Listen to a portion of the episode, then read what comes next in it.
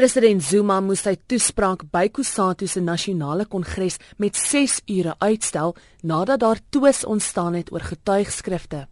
Na 'n ewige debat van 2 uur is die kongres hervat.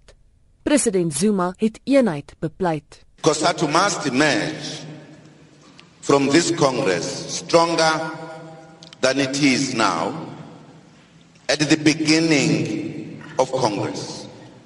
That is the challenge that all delegates face today. How do we work to unite COSATU? President Zuma het ook die leierskap van die Vakbond Federasie gemaan om die uitdagings in COSATU te takel en die Vakbond Federasie te herbou. Workers clearly need a strong, united and focused COSATU. And COSATU is the real home of the workers.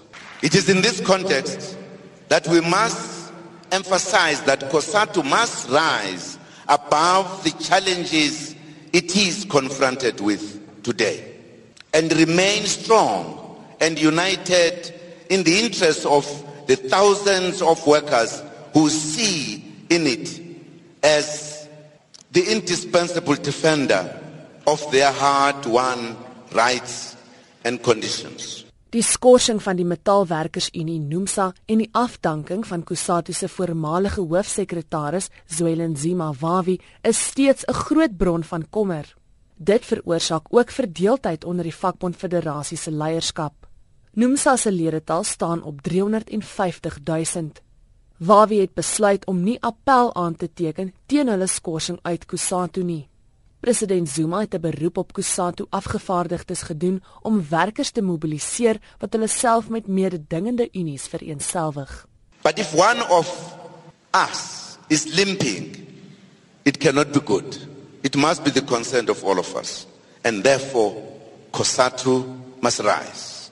And even if as a federation we have lost some of the unions, work hard to organize more and to conscientize those who left correctly is a job you must do as an organizer, as an organizing federation. Unity is the key. President Zuma het ook gefokus op die uitdagings binne die drie-party alliansie. Die leier van die SAKP, Blyden Zimandi, is oor die kole gehaal deur die ANC jeugliga oor die voorgestelde verhoging in universiteitsfooie.